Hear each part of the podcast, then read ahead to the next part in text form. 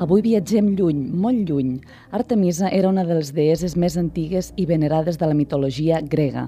Era una deessa diferent als demés, que gaudia caminant lliurement pels boscos acompanyada dels animals. La gran deessa de la natura protegia l'entorn, les muntanyes i el regne animal. Artemisa tenia els seus propis valors. Si actuem d'una manera diferent amb el món, hem de ser capaços de pensar-lo de manera diferent. Des de l'economia solidària i inclusiva, la solidaritat, el respecte i el gaudir de la natura i la consciència del nostre territori. Hi ha moltes formes d'emprendre i avui descobrirem un cas d'èxit d'emprenedoria social que serveix d'inspiració per a tots aquells emprenedors i emprenedores amants dels projectes amb ànima. Soc la Laia Corbella i us presento el podcast de Barcelona Activa on conversem amb persones de l'ecosistema d'emprenedoria de Barcelona. Benvinguts i benvingudes a un viatge amb les veus que més ens activen en el món de l'emprenedoria. Si tens una idea de negoci, aquest és el teu podcast. Trencarem tots els mites al voltant de l'emprenedoria. Ens acompanyes?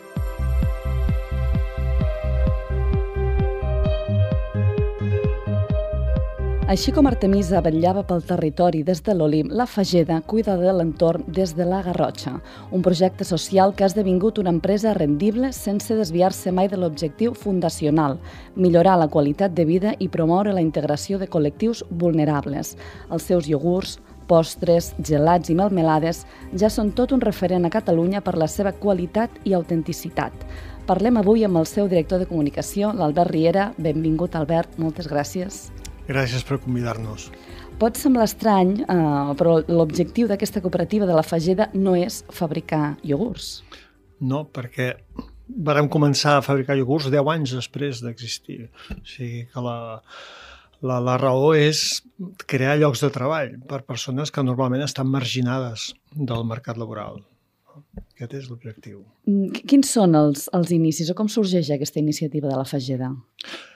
Bueno, hauríem de parlar d'un psicòleg que es diu Cristóbal Colón, eh, tal qual, que treballava en els manicomis als anys 70, que eren com centres, com centres de concentració, camps de concentració, sense gas pràcticament, perquè era abans de la, de la revolució de la revolució psiquiàtrica, diguem, que va haver-hi a Europa, i la situació d'aquests interns era tan, tan extrema que ell va, eh, tot i treballar-hi, de quina manera podien marxar d'allà i va veure que treballar era una manera de donar autoestima a la gent, que poguessin guanyar-se la vida, que poguessin ser útils, passar a ser passius a actius, diguem, a la societat i a la família. I, quina és la relació de la Fageda en, en el seu entorn? O, o la implicació en el territori? Bueno, és molt important per nosaltres, perquè si diem que som socials, la, ser social per, per nosaltres és estar compromesos amb la teva comunitat més propera, no? No és només apadrinar un nen a l'Àfrica o així, sinó els que tens a prop. I, per tant, estem, intentem estar arrelats al territori, en aquest cas la, la Garrotxa, i estar compromesos amb totes les instàncies públiques, privades, i treballar en coordinació amb, amb els recursos que hi ha en el territori. No? Per tant, ens, ens estimem molt la Garrotxa i, de fet, tots els treballadors mm, en, en situació de, de risc, diguem-ne, que, treballen, que treballen a la Fageda, provenen de, de, de la Garrotxa. No, no agafem gent de fora, uh -huh. diguem-ne. I quines són les xifres de la, de, de la Fageda per dimensionar una mica el projecte? Estem parlant de 500 persones, atenem, comptant-ho tot, eh? comptant els diferents serveis, gent que està amb contracte de treball, gent que està amb una relació ocupacional, etc dels quals 300 persones estan en situació de risc. També hi ha diferents col·lectius ara, eh? des de joves en risc d'exclusió, eh, treballadors eh, o aturats de llarga durada, persones amb malaltia mental, discapacitat. I després, a nivell econòmic, estem parlant de 25 milions de facturació, 90 milions de iogurts a l'any fabricats, que, que no està mal. En aquell cau, si heu, si heu estat, és, és un tros de bosc allà al mig de la guerra. De la... És ben bé al mig de la Fageda. La Fageda en Jordà, si estem envoltats per la reserva natural i pels volcans. I doncs allà es fabriquem gairebé 100 milions de, de iogurts a l'any. I estem parlant d'aquestes xifres, doncs 15 tones de, de melmelades, eh, 10 de, de gelats, més o menys Mm, es parla molt de la Fageda um, com una empresa amb valors més enllà dels econòmics. Com es planteja el model de negoci uh, amb uns indicadors socials? Aquí eh, crec que ens hem avançat perquè ja fa ara uns anys que tot el, tot el sistema de reporting o de, de retre comptes de l'empresa ja, ja no es limita als comptes anuals com es feia abans, a les auditories. Ara fins i tot hi ha una directiva que ha entrat en vigor de la Unió Europea que reclama reportar amb, amb temes més enllà que el finan dels financers. Per tant, impacte ambiental i impacte social. O sigui que és com natural ara amb la nostra situació. I això es pot mesurar? I això sí, sí, perquè s'han creat indicadors de tot. Fins i tot hi ha gent que mesura la felicitat. O sigui, hi ha directors de felicitat, happiness uh, uh, CEO, no sé, no sé com es diu ara. Vull dir, uh, les escoles de negoci han aconseguit uh, poder mesurar-ho tot.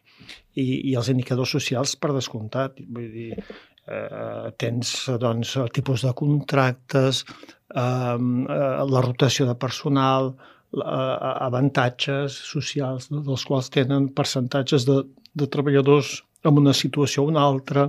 Hi ha molt tipus d'indicadors que, que, que donen una imatge, més, si més no, del que pot ser l'impacte d'aquella entitat en l'àmbit considerat. Mm, aquesta, diguem, parlem d'emprenedoria social, d'indicadors socials, comentaves el tema de la directriu europea, clar, tot això el 1982 no? que és, és un any de fundació de, de la cooperativa de la Fageda, mm, anant molt enrere, tot això, com, quina perspectiva tenia? Com, com ho fèieu? Això, jo sempre poso l'exemple d'un personatge de Molière, aquest uh, autor francès del segle XVII que té una, novel·la, una, una obra de teatre que es diu El burgès gentilhome, sí aquest home era un nou ric i quan va tenir diners, en aquella època el més, el més important, com ara, el més costós era la formació i va contractar professors de dansa, de música, i de literatura. I aquest professor li va ensenyar que hi havia la prosa o el vers. I, i aleshores es va capficar i diu, fa 40 anys que parlo en prosa i no ho sabia.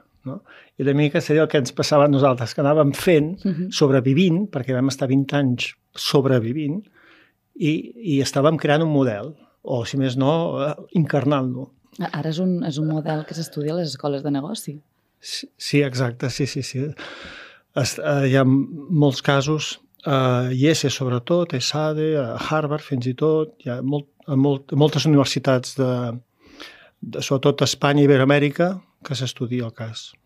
Mm, I mm, vosaltres sempre parleu de sense ànim de lucre, um, un dels elements que defineix la cooperativa és, mm, bueno, són aquests valors des de la seva fundació. Com es redistribueixen els beneficis a la Fageda? No es redistribueixen, es queden. Sí, per definició, clar. Nosaltres, el, el, el Cristóbal eh, Colón sempre diu som sense ànim de lucre però amb ànim de marge. O sigui que eh, hem d'aconseguir, sigui com sigui, beneficis, perquè si no te'n vas a Norris. Uh -huh. El que passa que la, la figura de sense ànim de lucre fa que aquests beneficis tu no, no se'ls pot quedar ningú, han de quedar en el projecte. Eh, amb això no hem inventat res, eh? Uh -huh. I, I en el fons eh, competiu els lineals dels supermercats amb, amb les principals firmes de productes làctics de grans multinacionals. Sí, això, això, aquesta és la gran dificultat d'estar de, en el mercat obert. A vegades, si ets una entitat social, et fa una mica de por al, al món, perquè intentes protegir els teus usuaris, els teus treballadors. A vegades tens, poder és més fàcil intentar accedir al mercat a través de productes socials, solidaris, uh -huh però naixis a... a... El mateix lineal, sí, sí. És, sí, però, però bueno, eh, no sabíem que era impossible com, com que, i, i ho hem fet, perquè és molt difícil. I, I quin és el tret diferencial dels productes de la Fageda? Nosaltres sempre diem que som ramaders, tenim moltes vaques, i el que fem és que la, la, la, la, la llet que produïm no s'estandaritza. És a dir, no se li treu res tal qual, amb les proteïnes i el greix que surt, es fa el iogurt Només es treu el greix per, per, per posar en el iogurt grec i fer els iogurts desnatats. Uh -huh. O sigui que, diguem-ne, que queda dins de les categories, no?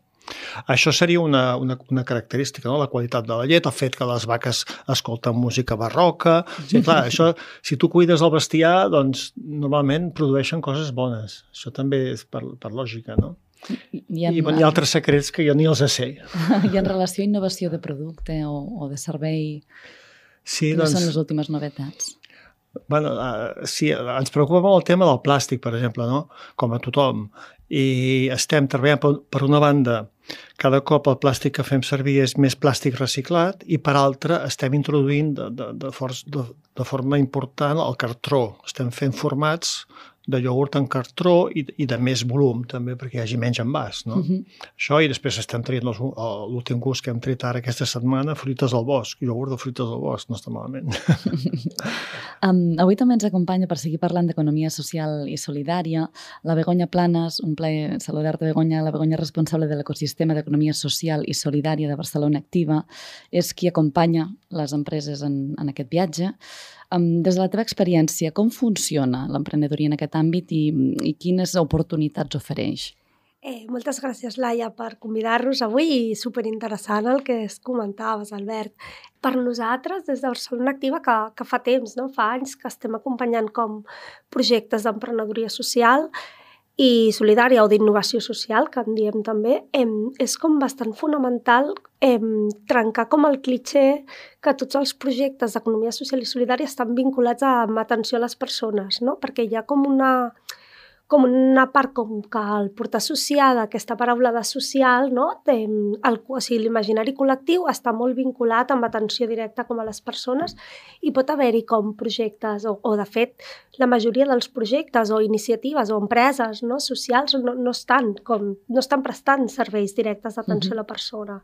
I l'altre clitxer que per nosaltres també és important trencar és el fet que comentaves, Albert, no? que, que són activitats que tenen activitat econòmica, és a dir, que, que, no, que no són que no és que renunciïn com als diners, és a dir, que, que cerquen tenir activitat econòmica, cerquen tenir un marge i un benefici tenint en compte com l'impacte social, l'impacte ambiental i, i després com reinverteixen aquest benefici en la millora com, com de l'activitat econòmica. No?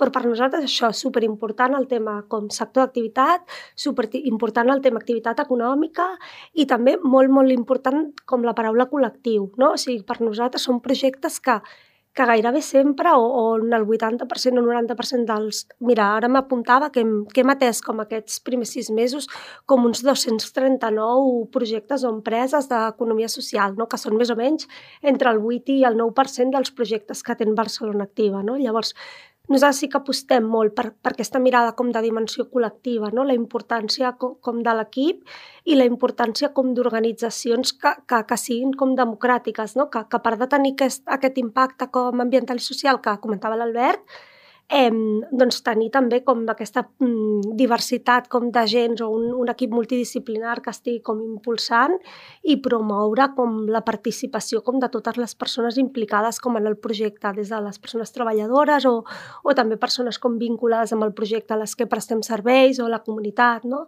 I això per nosaltres són com com trets bastant fonamentals. És, és una tendència en creixement, els projectes amb impacte social? Ho és, és a dir, com l'emprenedoria amb impacte social és una tendència com en creixement, però el que també ens està passant és que hi ha moltes empreses com que, que mai es definirien com a socials, però què ha passat? Que, com deia l'Albert, no? o sigui, la tendència com de mesurar l'impacte ambiental i social de, de les activitats econòmiques ha fet com han encetat com processos com de reflexió sobre quin és el model d'activitat econòmica que volem no? I, i com estem gestionant com les empreses del dia a dia d'avui, com ens relacionem amb la comunitat on estem inserits, com ens relacionem amb les persones treballadores, com ens relacionem amb l'entorn, quin és l'impacte que estem deixant, no? Llavors, Uh -huh. Creiem que sí que és una tendència a nivell d'emprenedoria, sí que és una tendència que cada vegada hi ha més casos d'èxits o empreses d'economia social que són referents i que tenen facturacions elevades i donen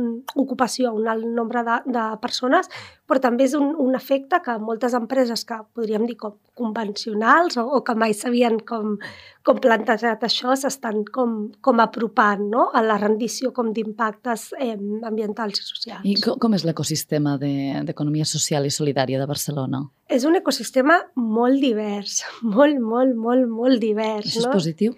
És positiu, clar que sí, sí, sí. És positiu. Hi ha una comunitat emprenedora molt gran, no? Sigui, Barcelona és una ciutat on, on passen moltes coses i hi ha molts projectes com emprenedors que comencen com cada any en alguns sectors així com et diria jo que sé, nosaltres tenim un, projecte, un programa específic per projectes tèxtils que aposten per un model de tèxtil doncs, sostenible i és que no parem d'atendre casos, és que no, o sigui, és I, com hi ha no sectors parar. que destaquen sí. més que uns altres? O... Nosaltres, o sigui, sí, hi ha sectors que destaquen més que uns altres. Un, per exemple, seria com el sector del tèxtil, que és un dels sectors que, que és així com rellevant a la ciutat. El sector de la mobilitat també, uh Mhm. -huh. perquè cal com, com repensar-lo, no? I, I és evident.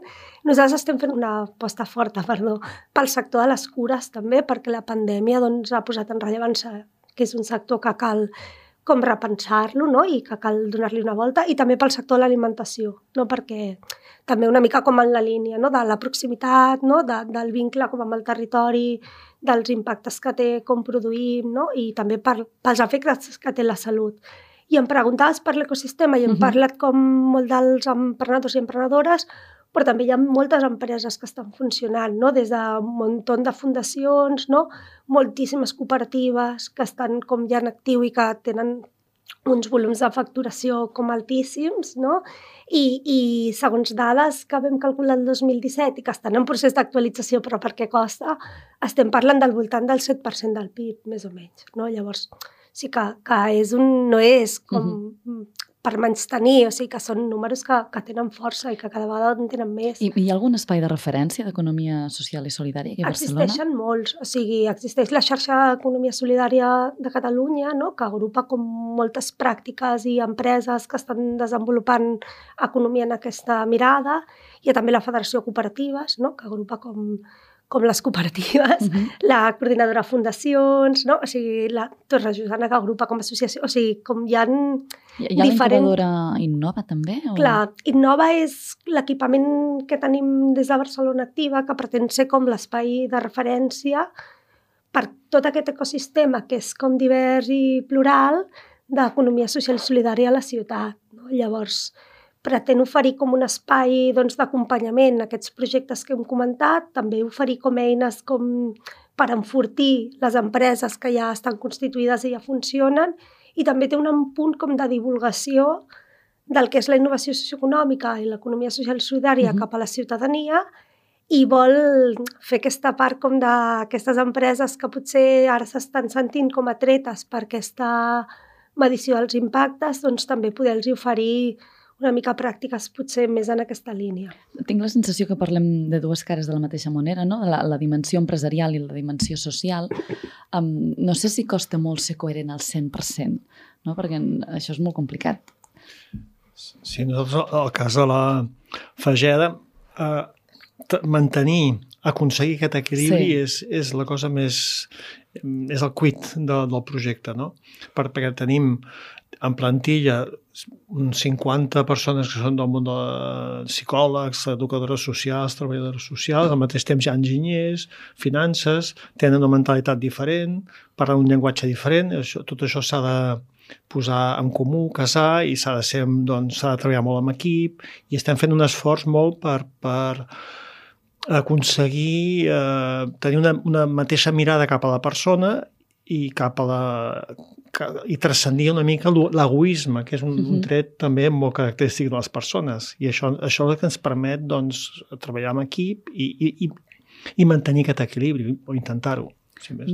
No sé si Begoña o Alberta, però quins serien els consells o, o el full de ruta per, per crear una empresa o un projecte d'economia social i, i solidària? O quines característiques ha de tenir? De fet, eh, o sigui, jo diria que el full de ruta és el mateix que, que per qualsevol idea com a emprenedora, no? L'únic, uh -huh. o sigui, que és una cosa que es porta com a l'ADN com del projecte, no? I que, que segurament com altres vegades que heu parlat tant referents com d'emprenedoria, t'han parlat com del Canvas, no? que és com l'eina sí. així com pràctica per muntar un projecte, doncs, doncs el mateix Canvas amb una mirada més social, que de fet hi ha un Canvas com social, doncs és l'eina que, que serveix, és a dir, és a dir el, projecte, el procés és més o menys el mateix. El que passa és que la idea ja, ja té incorporada des de si com aquests valors com d'impacte social, d'impacte ambiental i inclou bastant important com la part de governança com amb, amb els membres i sí que en el camp convencional sí que hi ha com molta, o sigui, molt anàlisi com de competència no? I, i des dels projectes d'economia social solidàries nosaltres els animem que a part de fer aquesta mirada de competència fem també la mirada com de col·laboració, no? perquè moltes vegades com veiem els agents amb qui podem competir però també podem establir-hi com, com aliances no? Mm -hmm. i aquesta com, com relació de, de cooperació amb l'entorn, o sigui, no, no només com amb l'entorn on estem inserits, que ja ho he dit diverses vegades, eh? com amb la comunitat, amb les persones treballadores, sinó com amb altres empreses com de l'ecosistema, no? que, que estan prestant serveis com similars o complementaris. Això també és com un tret com molt diferencial i, i important no? a l'hora com de, de tirar endavant un projecte. I quan estudien el cas eh, de la Fageda de Harvard, qui, quina és la recepta de la Fageda o com ho fem per tenir un país amb més fagedes? Nosaltres eh, no ho sabem, perquè, perquè ens han demanat a vegades fer una franquícia i, escolta, jo agafaré la marca. Jo, no, no, no. Nosaltres pensem que cada territori ha de generar els seus propis projectes perquè són els que coneixen l'ecosistema, les necessitats, etc. Nosaltres, modestament, el que hem fet és crear com unes jornades que fem dos cops l'any i venen, ja n'han passat prop de 500 emprenedors socials, precisament i aleshores és una jornada inspiracional no? I, i, els, i, i els acompanyem tot el que podem, que no és gaire perquè no tinc gaire recursos per això, però sí que a, a, a hores d'ara hi, ha, hi ha unes quantes desenes de projectes que estan funcionant i que s'han, bueno, podem dir amb orgull que s'han inspirat eh, amb, amb la Fageda. I, I quins són els ingredients d'aquesta recepta? Això és com els... La Begoña parlava abans de la governança, també. Mm. Sí, eh, nosaltres diem, eh, quan acabem la jornada, diem, això és, és possible, és possible, mm -hmm. perquè nosaltres ho hem fet, però és molt difícil, això que diem nosaltres. Però parlem també de, de, de que abans de fer un projecte empresarial cal, cal tenir molt clar el projecte personal, mm -hmm. perquè la nostra vida també és una empresa. I aleshores eh, hem de començar no per la teulada, sinó pels fonaments. Mm. I, i parlem d'això, de la, de la persona, de, la, de les aspiracions, de, les, de la generositat, totes aquestes coses tan com evidents i que s'han parlat sempre, no? Begonya. Jo, jo afegiria que un dels grans reptes no, que, que ha aconseguit com la Fageda és fer aquest salt d'escala, no? que és una de les coses que, que costa molt més dels projectes. Canviar de lliga, no? Sí. Jo tinc la sensació que juguen a la Champions, no? Mm. no i que, o sigui, que hi ha moltes empreses que tenen com molt incorporat no? com l'impacte ambiental i social, però, però aquest salt d'escala no? I, i la replicabilitat que deia com l'Albert, no? són dos dels reptes així com importants que, que no ens enganyarem, eh? tenim sobre la taula. Ja no t'he parlat d'ingredients, t'he parlat de reptes. No sé si t'he ajudat molt amb això. I, i, i per, per assolir aquests reptes estem preparats? Cada vegada més, jo diria cada vegada més. I, I sí que hi ha una part... Mira, fa poc vam estar unes jornades a Nou Barris Activa, no? que parlaven com d'agents del territori, com poder com generar com activitat econòmica al territori, i hi havia un parell com d'organitzacions, no? uns nois que havien muntat una cooperativa audiovisual i, i, un, i una associació que tenia joves i deien és que per nosaltres el més important és no tenir por i, ten i pensar en gran, no? O sigui, no tenir por com abordar els reptes que el territori ens, ens ofereix, pensar com solucions noves. Moltes vegades el problema ha estat allà, com, o sigui, la necessitat o el problema que vols donar resposta ha estat allà sempre. L'únic és que l'estàs mirant des d'una manera diferent uh -huh. i estàs canviant com interactues amb els diferents agents i amb els diferents actors i això com et porta una mica com a pensar fora no? de, de la caixa i a, i a innovar. I, la, I jo crec que la innovació és important eh? en això. Si ens estem preparades o no per afrontar aquests reptes, jo crec que la innovació hi té, hi té un paper important. Albert, ja per acabar, amb, amb prendre un projecte sostenible, amb valors socials, impacte positiu és possible, quin consell donaries a tots aquests emprenedors i emprenedores que, que s'ho estan pensant? El que, el que hem comentat abans, que, que pensin molt bé què volen fer de la seva vida i que en consonant... En l'àmbit personal. En l'àmbit personal, perquè hem de ser... És molt important la coherència, perquè si no tens una, una batalla interna que, que et desferma, no? I, en canvi, si tu doncs poses tot a, la mateixa, t'alinees, diguem-ne, amb aquesta idea, que sigui el més eh, propera possible a, a una concepció doncs, generosa de la persona, de, de, de, dels, del que és la vida en comunitat, bueno, les coses una mica com molt elementals, però viscudes amb coherència uh -huh. i traslladades a l'àmbit eh, del treball econòmic i després eh, aterrar sempre eh, el peu, els peus a terra, perquè la, la, la, la vida i la realitat és, és sempre complicada. O sigui, s'ha de ser molt realista. gràcies, uh, Begoña, gràcies, Albert, per aquesta conversa tan inspiradora. Em, em queda una frase de sense ànim de lucre però amb ànim de marge. Crec que defineix molt bé el projecte de la Fageda. Ha estat un plaer conèixer tot el que feu, uh, descobrir una altra forma d'emprendre i crear valor és possible. Us esperem la setmana que ve amb un nou podcast, un nou mite, un nou episodi d'Aprenedoria. Moltes gràcies.